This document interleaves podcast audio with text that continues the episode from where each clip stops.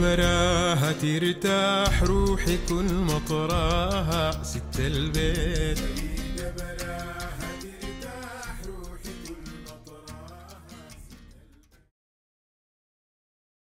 السلام عليكم شباب وشابات. مرحب بكم في ندوة قدام. عن النسوية لأي زول. كثير مننا في الفترة اللي فاتت دي سمع بكلمة نسوية. ولو كلمة نسوية ما سمعتوا بها غالبا بتكون كلمة كنداكة مرت عليكم.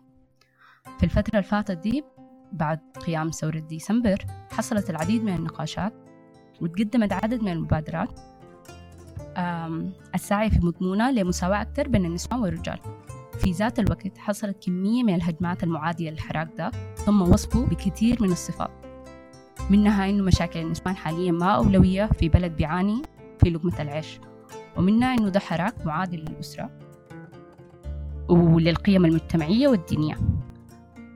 بل وحتى تم وصف مناخ الحريات المفترض يكون بقى أوسع بعد الثورة بأنه خلى النسوان مطلوقات جابوا البلا والضايقة الاقتصادية للبلد. كلام كنا بنسمعه زمن البشير وقانون النظام العام. بدأ يرجع رائج وسعى لتطبيقه رجال بأنه دقوا النسوان في الشارع بأصوات العنف حنتكلم الليلة عن الكنداكة اللي مثلت مشاركة النسوان في الثورة وإسقاط البشير والاحتفاء الحصل بمشاركتها دي. وعن النسوية اللي بيتم وصفها بإنها مطلوقة دايرة تهد الأسرة والبلد. حنعمل مراجعة لكتاب نسوية لأجل 99 والجا منه عنوان ندوتنا دي نسوية لأي زول. والكتاب ده هو في الحقيقة بيان تأسيسي لحركة اجتماعية نسوية قاعدية. اتكتب في فبراير 2017 استجابة لتظاهرات نسائية واسعة تزامنت مع تنصيب دونالد ترامب رئيسا لأمريكا. وإضرابات نسائية بدت قبلها في بولندا وبعد ذاك مشت الأرجنتين. وانتشرت لحد ما وصلت 50 دولة شاركت في الإضراب النسائي العام في, في مارس 2017 البيان ده من تأليف أستاذة الفلسفة الإيطالية سينزي أروزا والباحثة وأستاذة التاريخ الهندية تيزيا بهتشاري وناسي فريزر الباحثة الأمريكية وأستاذة الفلسفة والعلوم السياسية والاجتماعية. حنحاول نناقش البيان معاكم بعيون سودانية. ونشوف علاقة آمنة وعبير وعوضية شنو بالنسبة لأي زول. ونتمنى تتابعونا.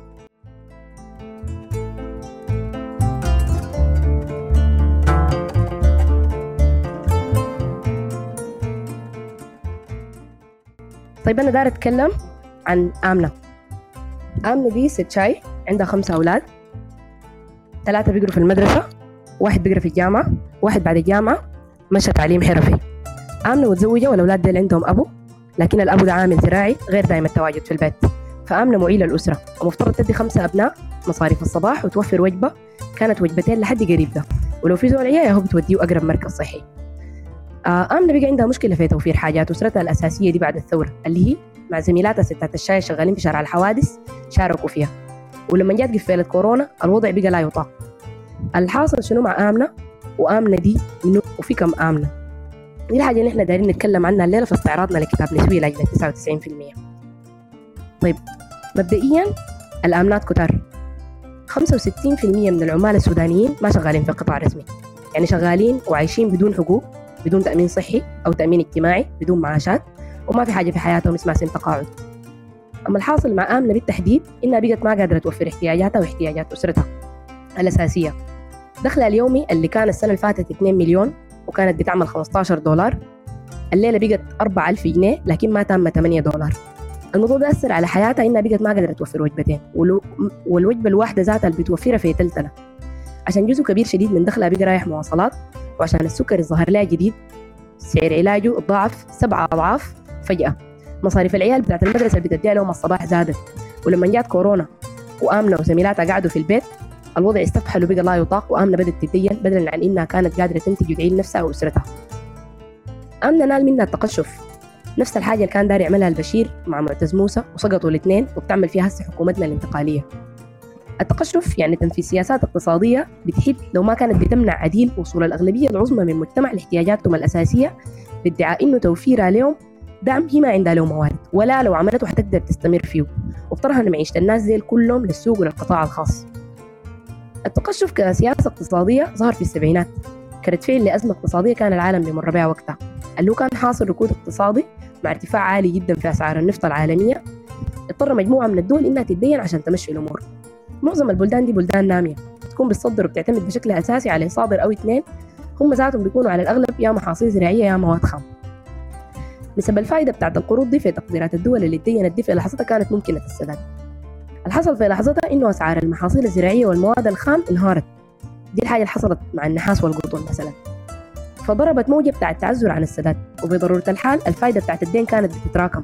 والموضوع ده وصل مرحلة في السودان ممكن نقول عنها إنه 80% من دينه الخارجي بقى فايدة.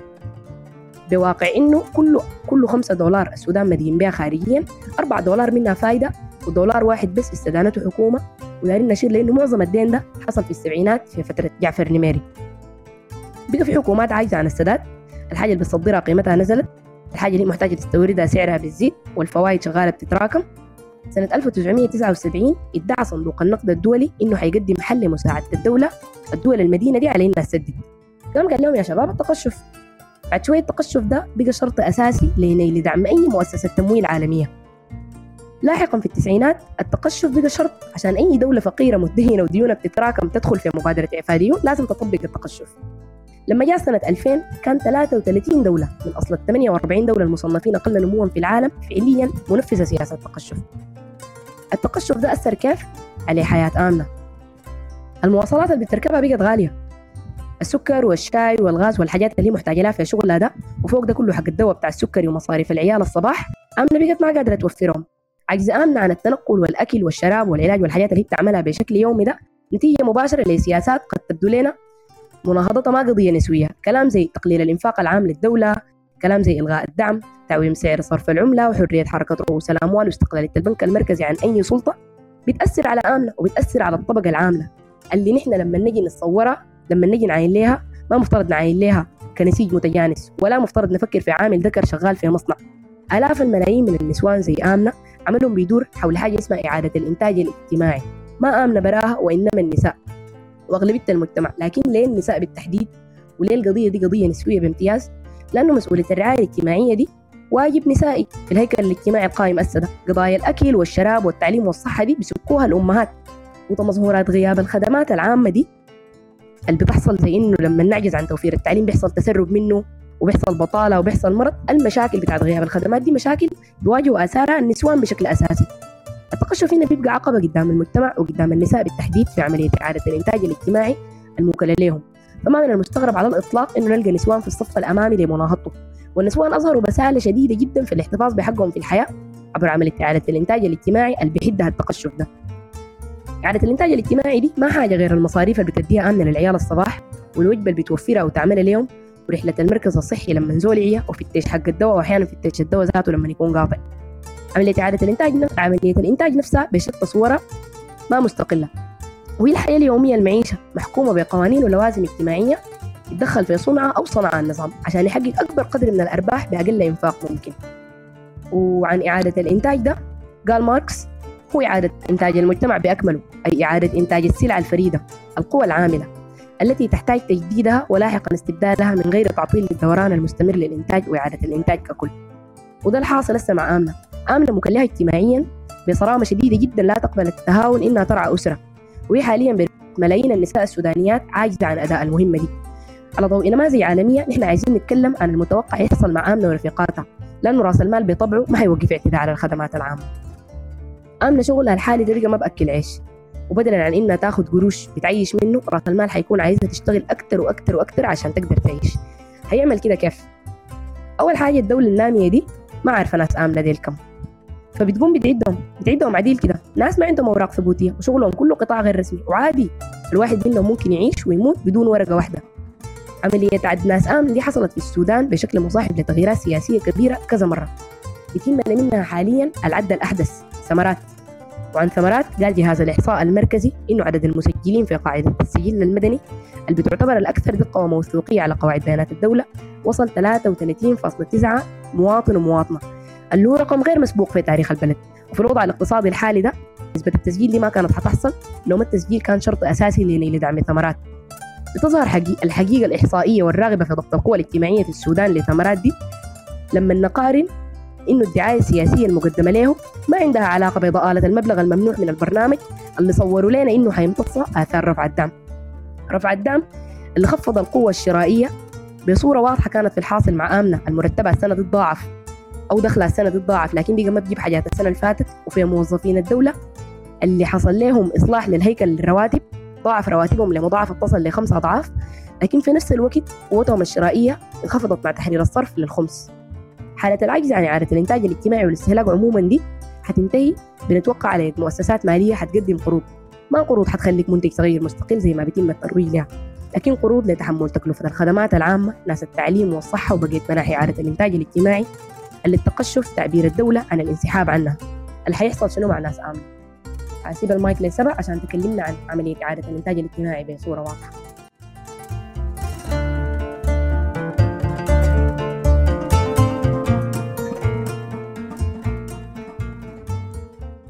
أنا عشان أشرح موضوع عملية إعادة الإنتاج الاجتماعي ده حقوم أحكي قصة آمنة ثانية عندنا آمنة آه مرة عمرها 37 سنة. متزوجة عندها ولد في الثانوي عندها ولدين في الأساس وبنت عمرها ثلاث سنين. امنه دي ربة منزل. فبكده هي المسؤول الأساسي من إنها هي توفر الأكل والشراب لزوجها واولادها وانها توفره في مواعيده وبالكميات المناسبة. مسؤولة من إنه توفر احتياجات السكن اللي هم قاعدين فيه ده تحافظ على السكن. ومتابعة حوجات الأسرة ومواردها والنقص فيها. المحتاجين لشنو وإزاي شنو؟ نلتقوا بجيش فهي بتشرف على توزيع الموارد دي بما يتوائم مع مدخلات الأسرة زوجي آمنة شغال موظف محافظ على شغله ده له سنين. آه كل يوم بيصحى الصباح يمشي الشغل. بيعافر في سوق العمل القاسي ده بيجي راجع بعد نهاية الدوام. في المقابل بهناك آمنة برضو بتصحى كل يوم الصباح. تصحى كل يوم الصباح قبل راجلة أو بتحضر لهم شاي الصباح. بتجهز الفطور للشفعة دي اللي مش جوا المدرسة. تعمل فطور خفيف لراجلها قبل ما يطلع الشغل. وهي اللي بتصحيهم وبتجهز لهم الهدوم وغيره. بعد ما يطلعوا آمنة بتقعد بتنظف البيت بتشوف لو في أي أعمال منزلية المفروض تتعمل. زي إنها تغسل الهدوم بتاعت امبارح تغسل العدة ترتب البيت وهكذا. ده كله ومعاها طفلة عمرها ثلاث سنين. محتاجة رعاية لصيقة واهتمام وعناية مستمرين في أي لحظة. أثناء آمنة بتكون في الشغل بتاعها. قدمت نفس الرعاية اللصيقة دي للأولاد وقدمت لهم كلهم رعاية لصيقة جدا لما كانوا رضع. آمنة بتعمل الفطور لا لا لا ولا بنتها دي عملت الفطور ساقت بنتها معاه مشت الدكان اشترت الناقص من حاجة الأسرة وجات راجعة بقت بتحضر في الغداء. مسافة ما تخلص تاخذ لها نومة زي نامت. أولادها بيجوا راجعين من المدارس. وإن كانوا ما محتاجين عناية لصيقة زي الصغيرونة فعموما بحكم كونهم أطفالة آمنة بتصرف على تفاصيلهم ولو من بعيد. هي اللي بتحرص على إنهم مثلا يغيروا هدومهم ويستحموا. يا ولد ارتاح نوم أول بعد ذاك الأبو جاء يخط القدا تأكلهم كلهم. زمن التلفزيون انتهى حلوا الواجب ده. تلقى واحد نام مدة طويلة ده ماله طلع مصدع نشوف له دواء. طلعوا الكورة جو راجعين هدومكم وسخان خدتها في الغسيل العشوا وقت النوم جاء وهكذا تفاصيل. اليوم بينتهي وآمنة بتمشي بترتب تجهيزات لليوم بكرة. إنه هدوم المدرسة نظيفة ومكوية هدوم الشغل لزوجها جاهزة. هل في حاجة تتحشي للفطور بتاع بكرة؟ الشاي في ولا انتهى؟ وكده. وبينتهي يوم آمنة ولا تنام آمنة إلا بنوم الجميع. بيجي بكرة بتصحى قبلهم وبتعيد نفس المشاكل والمهام اللي عملتها دي وده كله برعاية لصيقة لطفل عمرها ثلاث سنين. الشغل اللي بتعمله آمنة ده بصورة يومية متكررة وبمسؤولية صارمة هو ضروري وأساسي لاستمرار الأسرة دي وما بيجي الأهمية تماما من عمل في الحفاظ على الأسرة. ده اسمه العمل الرعائي المنزلي غير مدفوع الأجر. وهنا بنخش في الأسرة كوحدة مالية ووحدة منتجة ومحافظة على قوى العمل. ده برجعنا لمفهوم إعادة الإنتاج الاجتماعي. طيب نحن حاليا موجودين في مجتمع بخواص معينة. فيه فوارق طبقية في ناس مرتبين في ناس بيسكوا رزق اليوم باليوم في جماعات عرقية مضطهدة في نساء مضطهدات. الكلام ده يسري على العالم كله. في ممارسات بعد استعمار حديث سواء من بلد لبلد ولا من فئة لفئة داخل بلد معين ولا عبر حدود عسكريا أو ثقافيا أو دبلوماسيا. الحاجة الواضحة في وضعنا ده كله إنه ما يمر به جيل معين بيمر به الجيل اللي بعده. بمعنى أبناء الأغنياء أبناء أغنياء اليوم هم أغنياء القدر والفئات المضطهدة اضطهادها بيتعاد عبر الأجيال. إعادة إنتاج اللامساواة ده بنفس الأنماط عبر الأجيال. ده هو إعادة الإنتاج الاجتماعي. التنظير في المسألة دي كثير وبينطلق من مناهج مختلفة. ما كله نسوي ما كله ماركسي. لكن بما لا يدع مجال للشك إنه العمل الاجتماعي اللي بيقوموا به النساء بيلعب دور أساسي في إعادة الإنتاج الاجتماعي ده اللي هو هنا ممكن نسميها اصطلاحا بالتربية. التربية بمفهومها العام اللي بتجي من الأسرة من المدرسة من الحضانة والروضة من المؤسسات الدينية من الدولة من غيره. ممكن نسميه التربية. هنا في حاجة لازم نلاحظها وهي العمومية والوسع بتاع مفهوم إعادة الإنتاج الاجتماعي ده. عشان يتفهم طول ما في مجتمع بشري مستمر ومنتج دائما حنصاحب المجتمع ده عملية إعادة الإنتاج الاجتماعي. عملية تربوية قد تختلف طرقها وعلاقاتها وترابطاتها مع العمليات الاجتماعية والإنتاجية الثانية لكن حتظل بتعيد في الإنتاج المجتمعي المعين. لكن ما يخصنا اليوم هو التربية المجتمعية دي من منظور نسوي وتحت ظل الرأسمالية النيوليبرالية بسياساتها الإصلاحية الاقتصادية والاستعمار الحديث كله.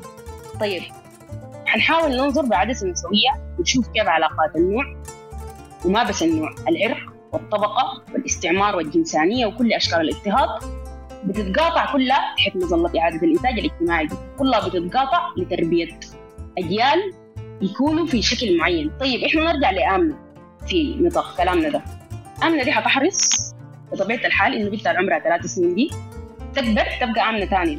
حتورثها الثقافة والمفاهيم والاعتقادات بل وحتورثها المهارات والطرق عشان هي تمشي تأدي دورها الاجتماعي المعين ده. تستلم العمل اللي حيتقسم لها اجتماعيا بحكم نوعها وما كده بس. هي حتورث أولادها ذاتهم وحتعيد إنتاجهم بما يسمح لهم إنهم يكونوا زي أبوهم. ويمشوا يأدوا دورهم الاجتماعي المقسم المقسم لهم بحكم نوعهم. وده بدخلنا في التقاطعية إنه كل الفئات فيها آمنة. بغض النظر عن المستوى الاقتصادي أو العرق أو النوع أو البلد دائما في آمنة موجودة في الخطوط الأولى عشان تنتج البشر وتحافظ عليهم وتربيهم. وده بورينا يعني أساسية الأسرة في عملية إعادة الإنتاج الاجتماعي دي. إنها هي الوحدة الأساسية في العملية دي وإنه لاعب الدور الأساسي في هذه الوحدة الأساسية هو النساء. اللي هو بذكرنا بأهمية إنه لما ننظر لقضايا نسوية لازم بطبيعة الحال الموضوع ده يكون من النظرة بتاعت إعادة إنتاج اجتماعي وأي قضية بتاعت إعادة إنتاج اجتماعي أي أي قضية تربوية صحة تعليم أو غيره هي بطبيعة الحال قضية نسوية. في الكتاب نسوية لأجل 99% اللي سميناه هنا بنسوية لأي زول. تحاول الكاتبات هنا تقدم تعريف لنسوية جديدة. تعريف جديد لما يعتبر قضايا نسوية. الكاتبات هم أصلا منظرات نسويات وبينظروا في نظرية إعادة الإنتاج الاجتماعي عموما. بيحاولوا إنهم يعرفوا النسوية النسوية التربوية دي أو نسوية إعادة الإنتاج الاجتماعي بأنها بتبحث في الطرق اللي بترتبط بها التجديد اليومي لحياة البشر. والتجديد عبر الأجيال. الحاجتين ديل اللي بيقوموا بهم النساء بصورة يومية في الأكل في الشتاء في النوم عبر الأجيال. الحاجة دي ارتباطها شنو؟ بالاستمرارية العنيدة للامساواة في مجتمعاتنا. وما بس اللامساواة في ذاته؟ على مدى قرون يعني. فهو هنا بيقوم بيطرح نظرة اقتصادية سياسية لكيف إنه في عمال اجتماعيين منخرطين بصورة مستمرة في إنتاج الجيل الحالي والقادم من العمال وبالتالي من قوى العمل. وكيف إنه العمال الاجتماعيين ديل اللي هم النسوان يعني موجودين في موقع اجتماعي عنده علاقة قريبة مع رأس المال والمحرك بتاع بتاع رأس المال اللي هو إنك أنت تنتج وتراكم فائض قيمة أي ربح. علاقة ضرورية متناقضة في نفس الوقت. كيف الكلام ده؟ نرجع لآمنة إحنا ممكن عموما بالكلام ده نقوم نقسم العمل اللازم والضروري لاستمرار المجتمع والأسر لنوعين أو حقلين في الحقل بتاع العمل السلعي والخدمي. ده اللي بينتج السلعات والخدمات الاقتصادية المالية. ده هو العمل اللي بينتج فائض القيمة. بمعنى هو اللي بيوفر أرباح للرأسماليين ده هو الشغل اللي بيعمله الزوج يا بيصحى الصباح بيجي الشغل بيبيع قوة عمله أي بيبيع وقته وجهده الجسدي والذهني مقابل مرتب. هو بيمثل نسبة بسيطة من القيمة المالية اللي هو حقيقة العمل الاقتصادي ده عنده عناصر كثير عشان يكون. لكن عنصر أساسي فيه كل عامل ده في حد ذاته. هنا بتجي الربطة العامل ده بقائه وبقاء مقدرته على العمل ذاته بتحتاج لرعاية عشان يستمر.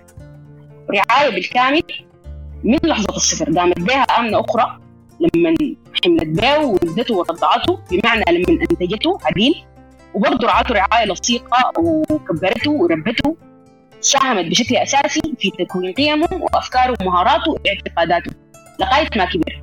وما بيكفر من اداء المهمه دي شيل المسؤولية الصارمة دي حتى وهو كبير أو بعيد. لغاية ما سلمتها لأهل ثاني وده بدخلنا في الحقل الثاني.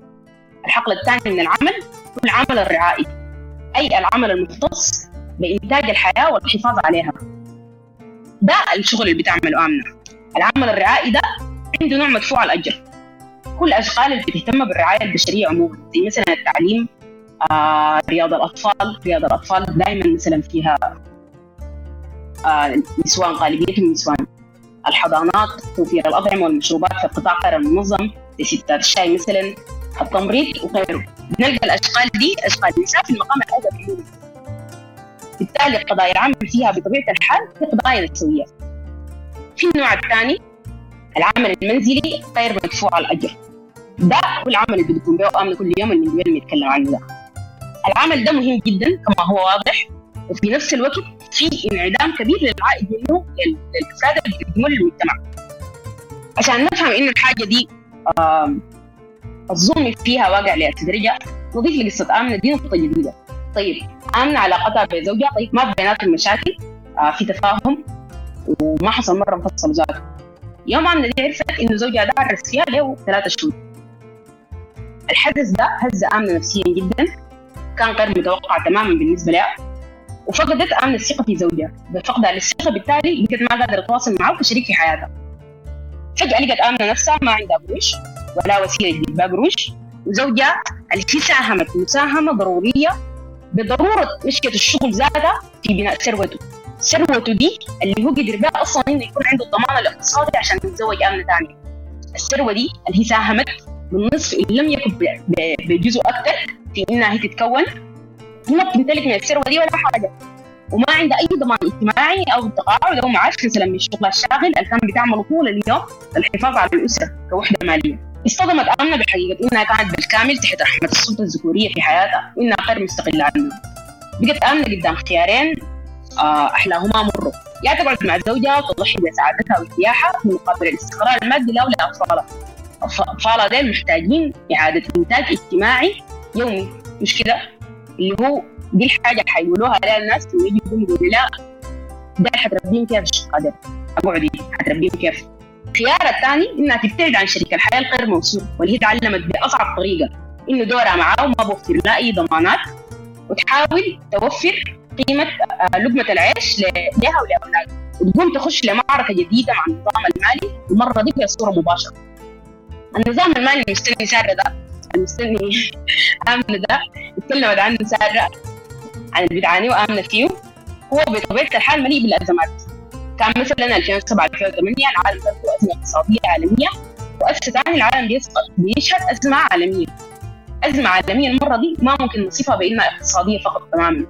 الأزمة الحالية أزمة اقتصادية بيئية سياسية ورعائيه عندك نظام راسمالي بيستفيد مجانا من الطبيعة من مواردها من السلع العامة والخدمات الرعائية من قوى العمل من العمل الغير مأجور. بيستفيد من الطبيعة البشرية في ذات نفسها في إنه في إنه يعمل أرباح. وهو بكده بيهدد استقرار الشروط اللازمة لبقائه لأنه بيهدد استقرار الشروط اللازمة لبقائنا. فالأزمة جزء أصيل من تكوينه عموما. وهو حيولد أزمات بصورة دورية. أنا بتعاني من النظام الرأسمالي ده. بتعاني من سياسات النيوليبرالية. زي ما تكلمت آه سارة عن معاناة آمنة. وكل آمنة من التقشف مثلا. وآمنة دي زوله سودانية من دول الجنوب. ففي المقابل برضه بتعاني من السياسات الاستعمارية الحديثة بصورة مباشرة. النسوية لاجل 99% بتقول إنه القمع على أساس النوع ده من المجتمعات الرأسمالية أساسه إخضاع إعادة الإنتاج الاجتماعي للإنتاج الهادف للربح بمعنى إنه الرأسمال داير يستربح من تربيتنا بصورة مباشرة. محاولات مستمرة للتعدي على العمل الرعاية عموما. في انخفاض في الأجور إضعاف لحقوق العمال تدمير تدمير للبيئة وفي اقتصاد للطاقات عموما اللي إحنا محتاجينها عشان نحافظ على الأسر والمجتمعات. محاولة مستمرة وعنيدة لاموله النسيج الاجتماعي ده كله. اموله والتربية أمولت إعادة الإنتاج الاجتماعي.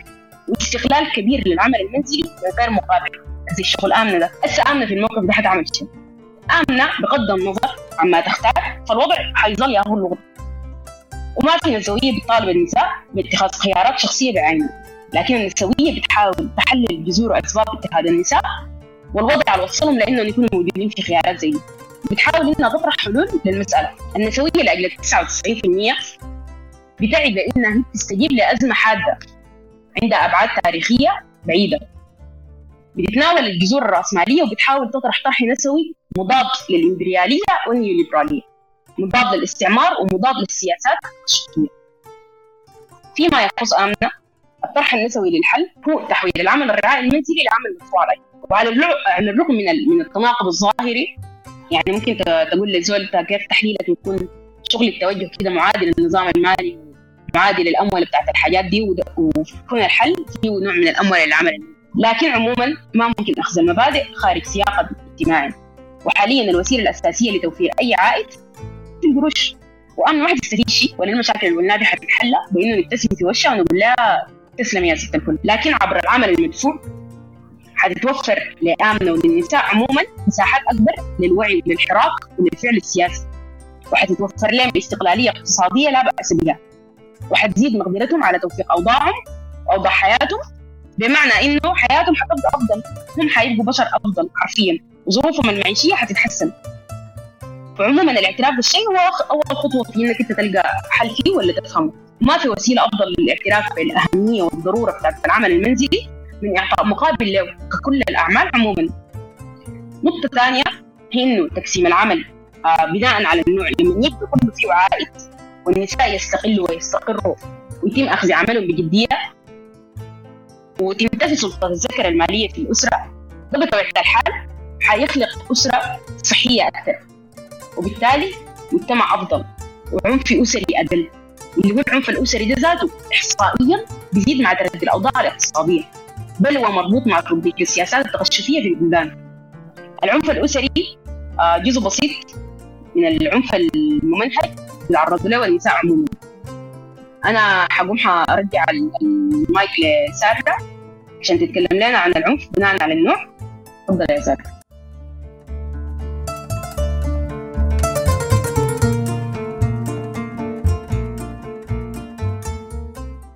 شكرا يا سبع لشرح نظرية إعادة الإنتاج الاجتماعي.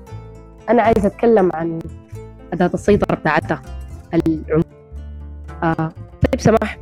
سماح بطلت قصة حزينة شديد. وصلتنا كلنا. طفلة بتقرأ في الأساس.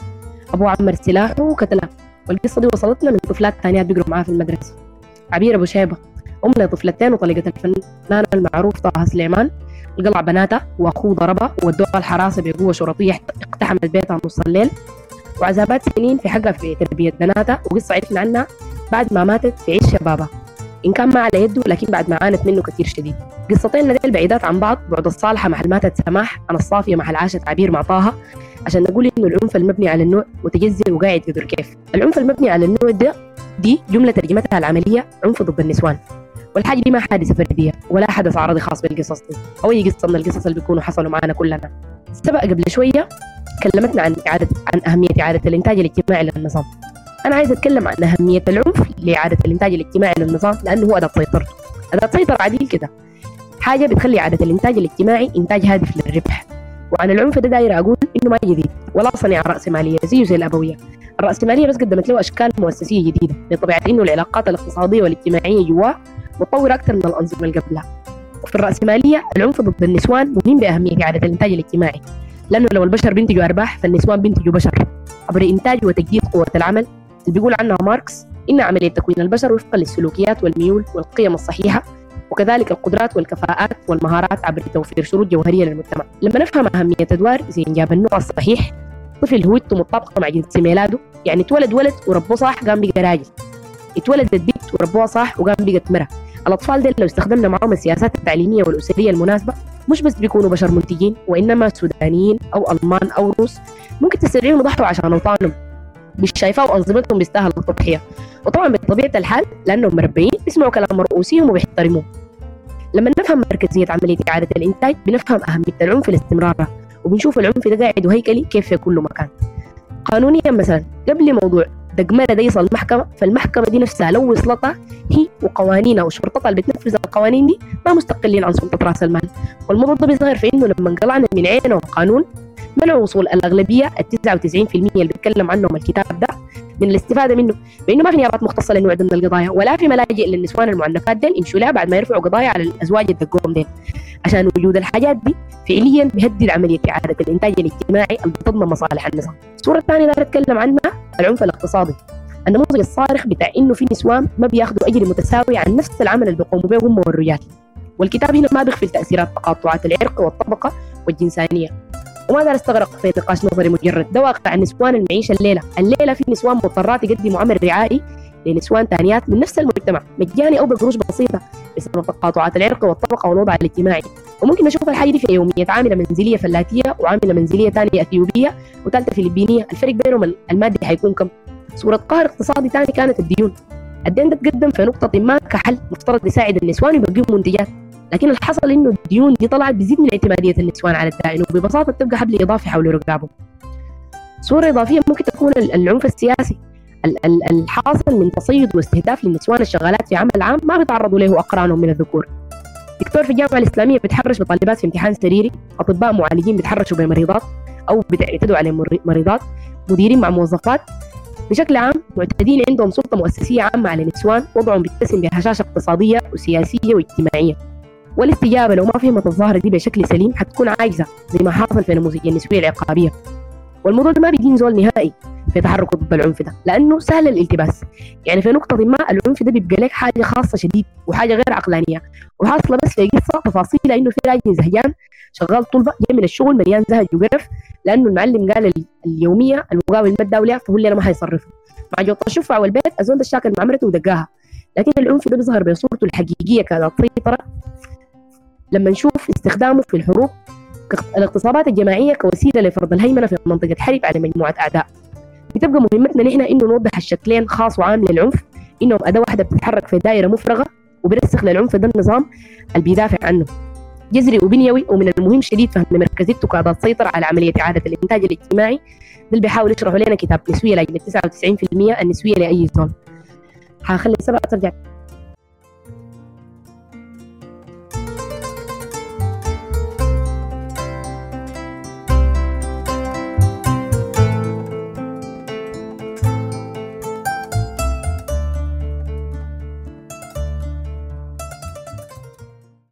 طيب أنا عايز أتكلم عن عن كيف إنه حركه الاضرابات النسوية العالمية دي أثبتت القوى السياسية الهائلة اللي تمتلكها النساء بانها اعاده اختراع الإضراب وعرفت مساحات جديدة للفعل السياسي والنضال عموما والنسوي بشكل خاص.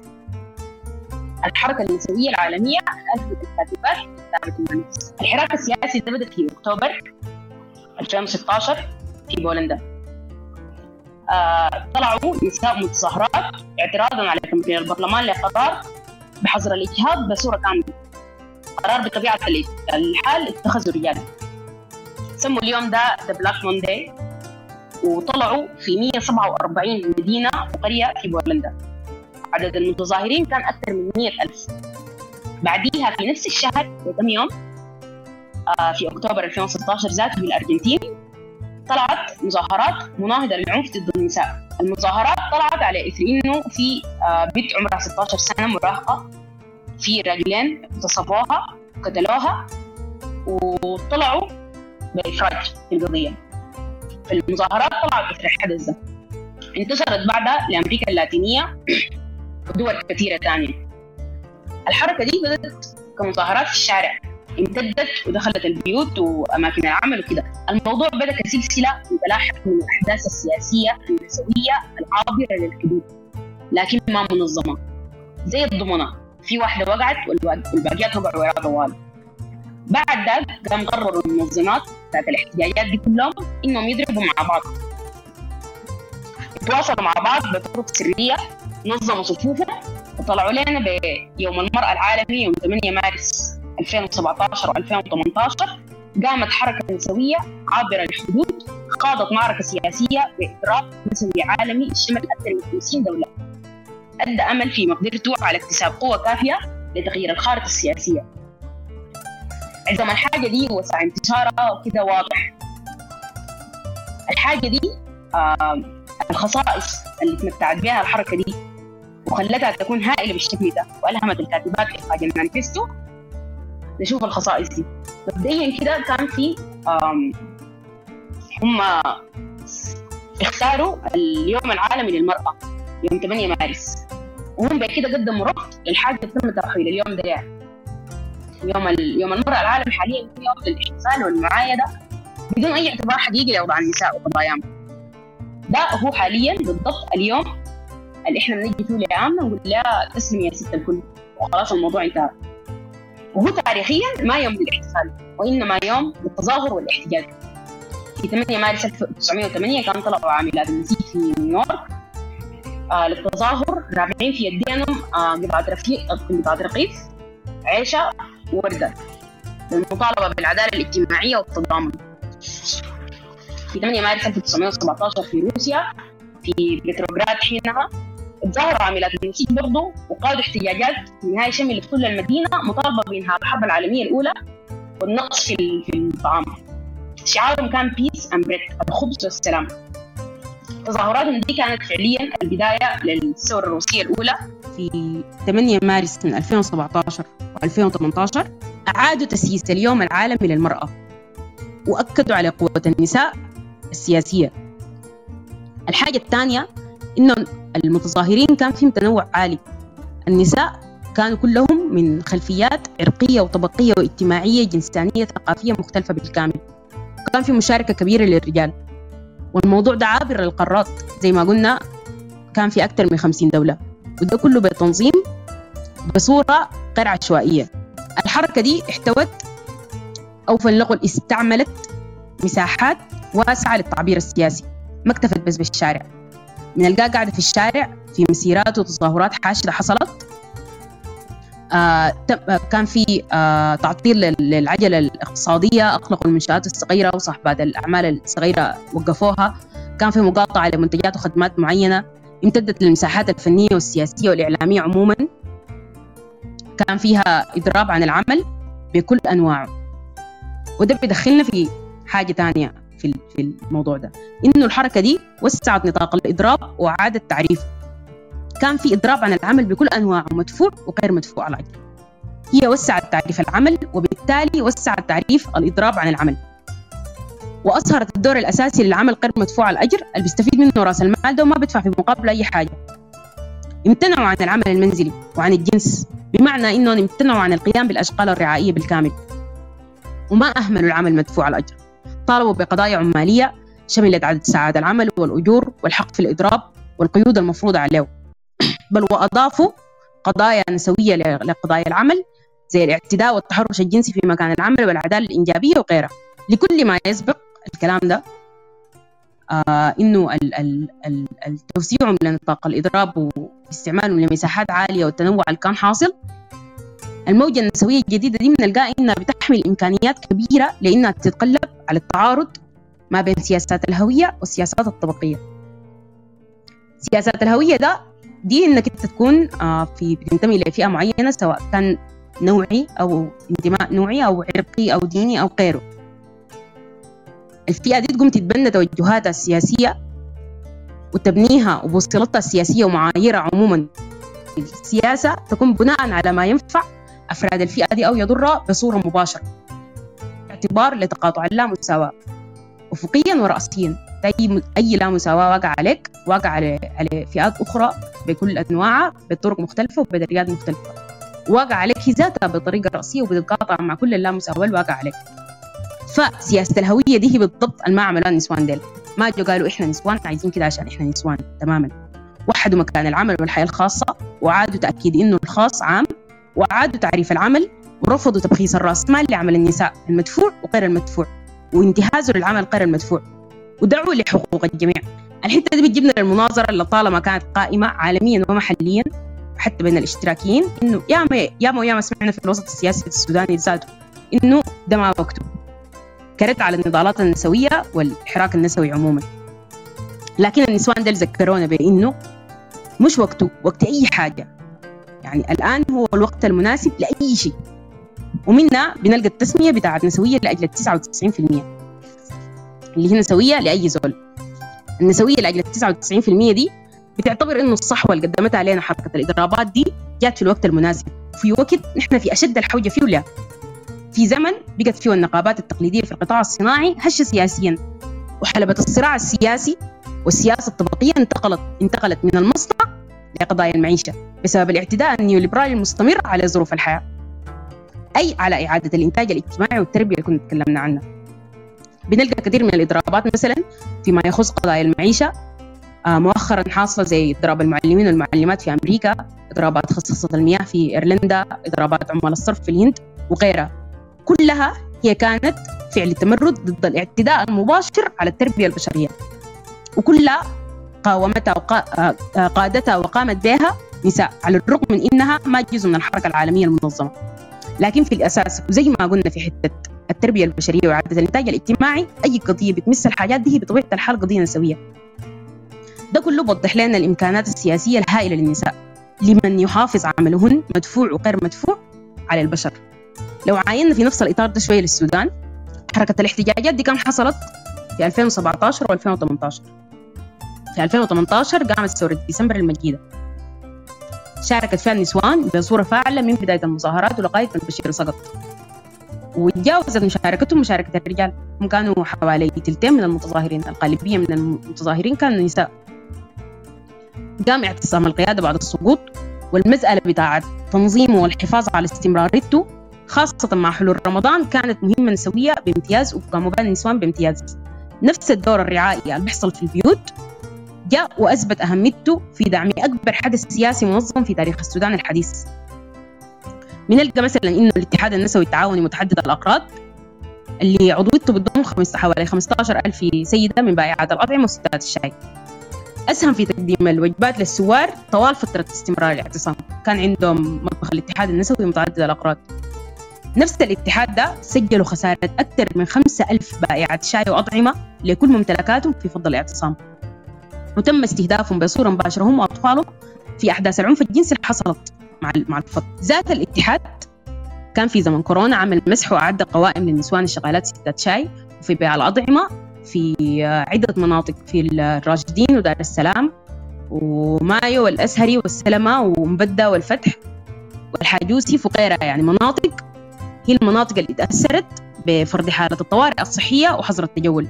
اللي هي دي ذاتها نفس المناطق اللي بتضم معظم العاملات القطاع الغير منظم.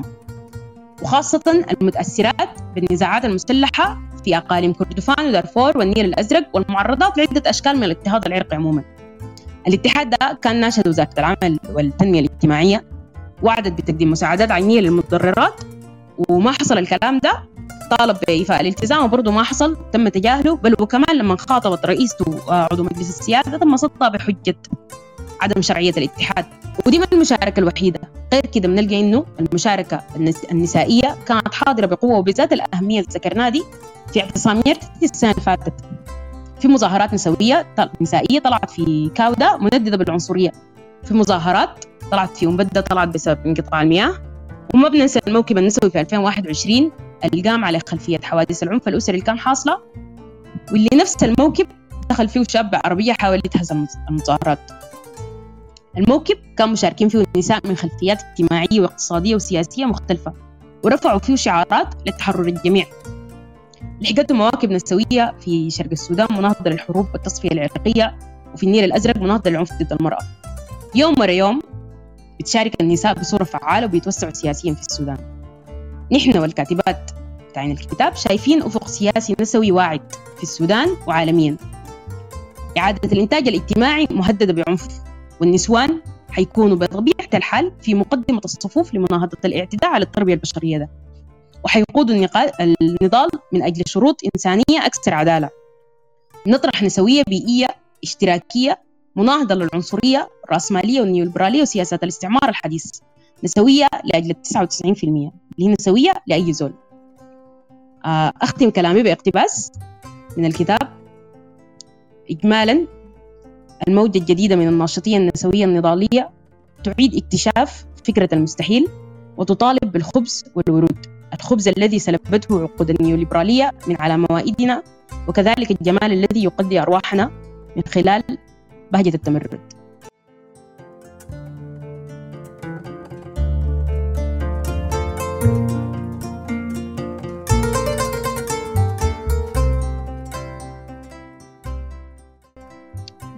تقدم في الندوة ممكن نطلع بكم سؤال مهم.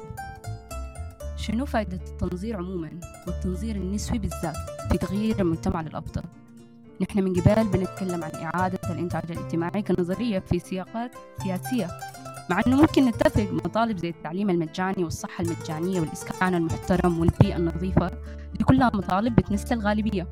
ومن السهل جدا التعبئة السياسية بناء عليها باختلاف الأساسات النظرية اللي نحن واقفين عليها. فشنو الفائدة إذا؟ شنو الفائدة اللي بيقدمها التنظير النسوي عموما ونظرية إعادة الإنتاج الاجتماعي بالذات في المسائل دي وعشان نوسع النقطة دي زيادة ممكن نخطر في بالنا لما نسمع الندوة إنه هيمنة الرجال على النسوان دي ما من اختراعات الرأسمالية وإن كان التعبير أو الشكل اللي أخذته الهيمنة دي اختلف فالحقيقة التاريخية دي بتعني شنو؟ لو في فئة اجتماعية بيتم تعريفها واستغلالها بطريقة مستقلة من عملية الإنتاج في المجتمع وإن كانت متصلة معه وبطريقة مبسطة أكثر. ممكن نقول الادعاء بأنه القضاء الرأسمالية حيحل آليا جميع مشاكل النساء ده هو اختصار وتبسيط بس من الناحية الثانية لو جينا وفكرنا دعنا شنو للتحليل النظري المبني على النوع؟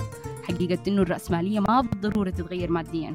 أي تكون مختلفة في حقيقة استغلالها للأغلبية على حساب الأقلية وإن كانت موائمة للنسوان والجندر أو حتى لو سيطروا على النسوان تماما.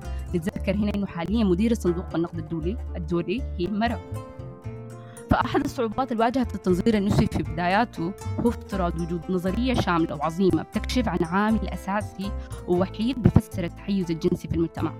عامل يكون عابر للثقافات أو نظرية كونية واحدة حتفسر لنا كل شيء. وده ما كان الهدف من الندوة إنه يتم تقديم إعادة الإنتاج الاجتماعي كنظرية بتحل كل المشاكل. في نقاط كثيرة بتمس النساء ومشاكلهم وهمومهم ما طرحت ولا ذكرت وما تم إغفالها من جانب المتحدثات لعدم أهميتها. فالندوة دي ما هي إلا تقديم للطرح قد يكون ما جديد ولكن مهم. حاليا بدنا ندخل في جدالات عن منو أول. مشاكل النسوان ولا مشاكل العمال. النوع ولا الطبقة بالذات بعد ثورة ديسمبر. هل مشاكل الأكل والدواء والصحة هي أولوية؟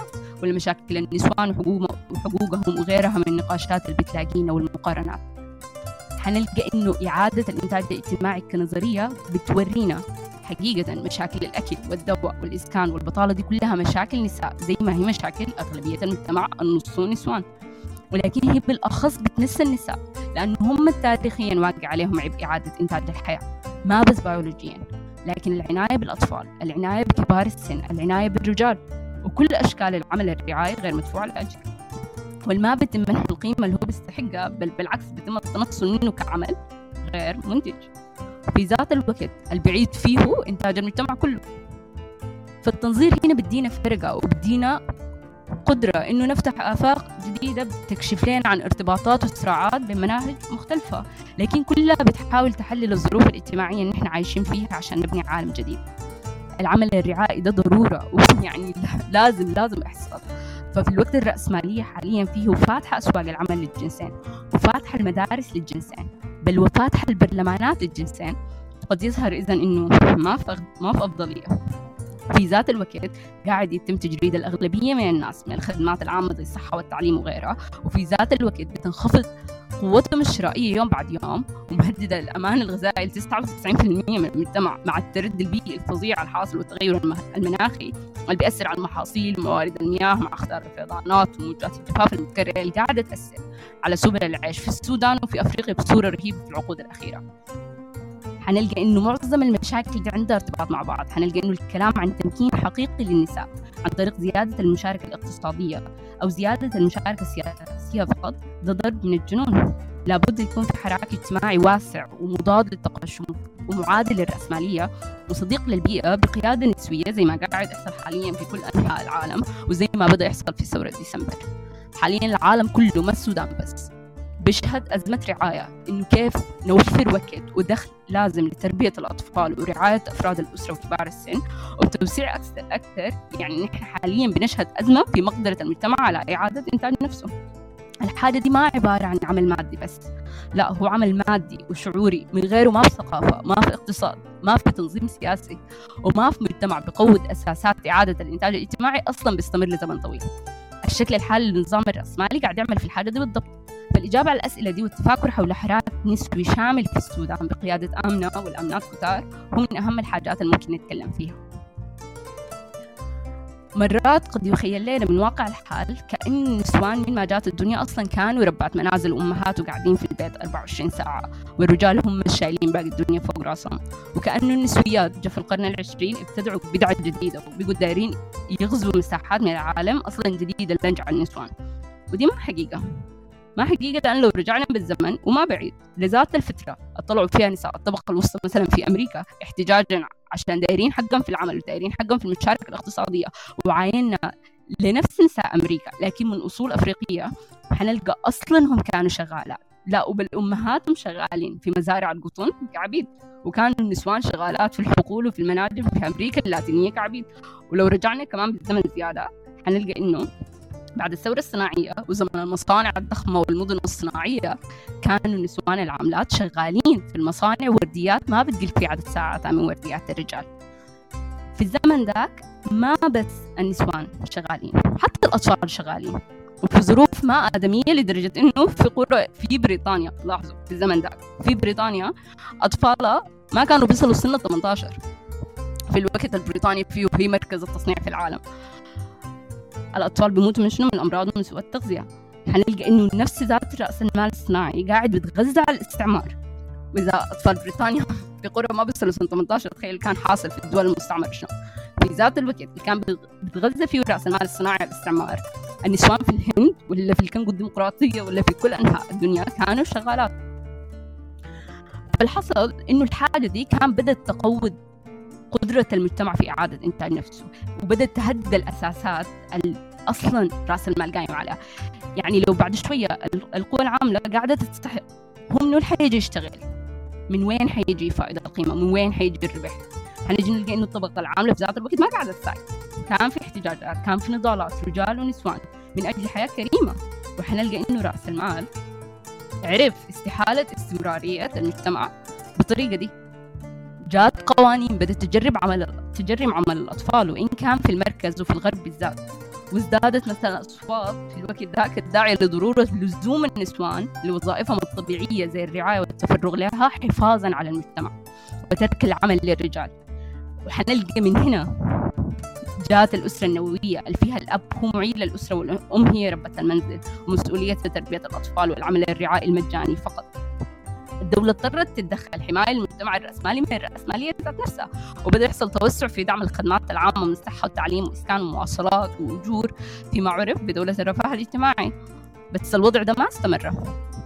كثير وعشان يحصل نلاحظ إنه تم حبس النساء في المنازل كأمهات وزوجات وفي نفس الوقت اتكفلت الدولة بدعم إعادة الإنتاج الاجتماعي عشان المساواة تحصل الحاجة دي ما استمرت لأنه نضالات الحركة النسوية مبدئيا ونضالات النساء رجعت لاقتلاع حقهم في الفضاء العام وفي المشاركة الاقتصادية. بس في ذات الوقت اللي حصلت فيه النضالات دي جينا في السبعينات القريبة دي وجات سياسات التقشف وبدأ رأس المال بيعاين للخدمات العامة كمصدر للربح. يعني بقى ما عنده مشكلة النسوان يقعدوا في البيت ولا يشتغلوا. أطلعوا أطلعوا اشتغلوا ضابط جدا. بس ما في أي نوع من أنواع الدعم بل وبأجور زهيدة وبخصخصة خصخصة للتعليم خصخصة للصحة خصخصة للموية خصخصة للحياة. فأي حاجة بقت ربحية الحاجة دي أخذت كم؟ 30 40 سنة عشان نرجع تاني لنقطة الصفر. بس بدل المصانع الكبيرة ونلاحظ إنه حتى لحد الآن في جنوب العالم الفقير الأطفال شغالين في المصانع. بس حنجي نلقى إنه زيادة على العليه جات سياسات التقشف وجات الديون وجت تمويل الاصغر للتربح من أساسات الحياة ذات نفسها. هنا بيسعفنا التنظير وبالذات التنظير النسوي. إنه تاريخيا في وقت الحركات الجماهيرية رأس المال بيكون مستعد يقدم تنازلات. بس من الهسه شفناه النسوان تاريخيا بتم مساومة مشاكلهم هم في المرة الأولى تم حبسهم في البيت لمواجهة تداعيات الرأسمالية الصناعية ولما جو تاني اطلعوا حقهم في المشاركة الاقتصادية. إنه حقهم ده جا في وسط اجتماعي مجرد تماما بسبب التقشف من الأساسات اللي بتخليه أصلا يقدر يعيد إنتاج نفسه. الحقائق التاريخية دي هي اللي بتحاول هي بيحاول التنظير النسوي استيعابها حاليا. فأخيرا نتذكر إنه الأفكار والنظريات ممكن تظهر لنا ككلام ساي ورغي وطيب أها وقومة وقعدة لكن ال- الأفكار دي لو استحوذت على الجماهير بتشكل قوة مادية. ونشكركم على حسن الاستماع. وشكرا لحسن الاستماع. آه، حوارات قدام آه، مستمرة الجاي. وشكرا لكم.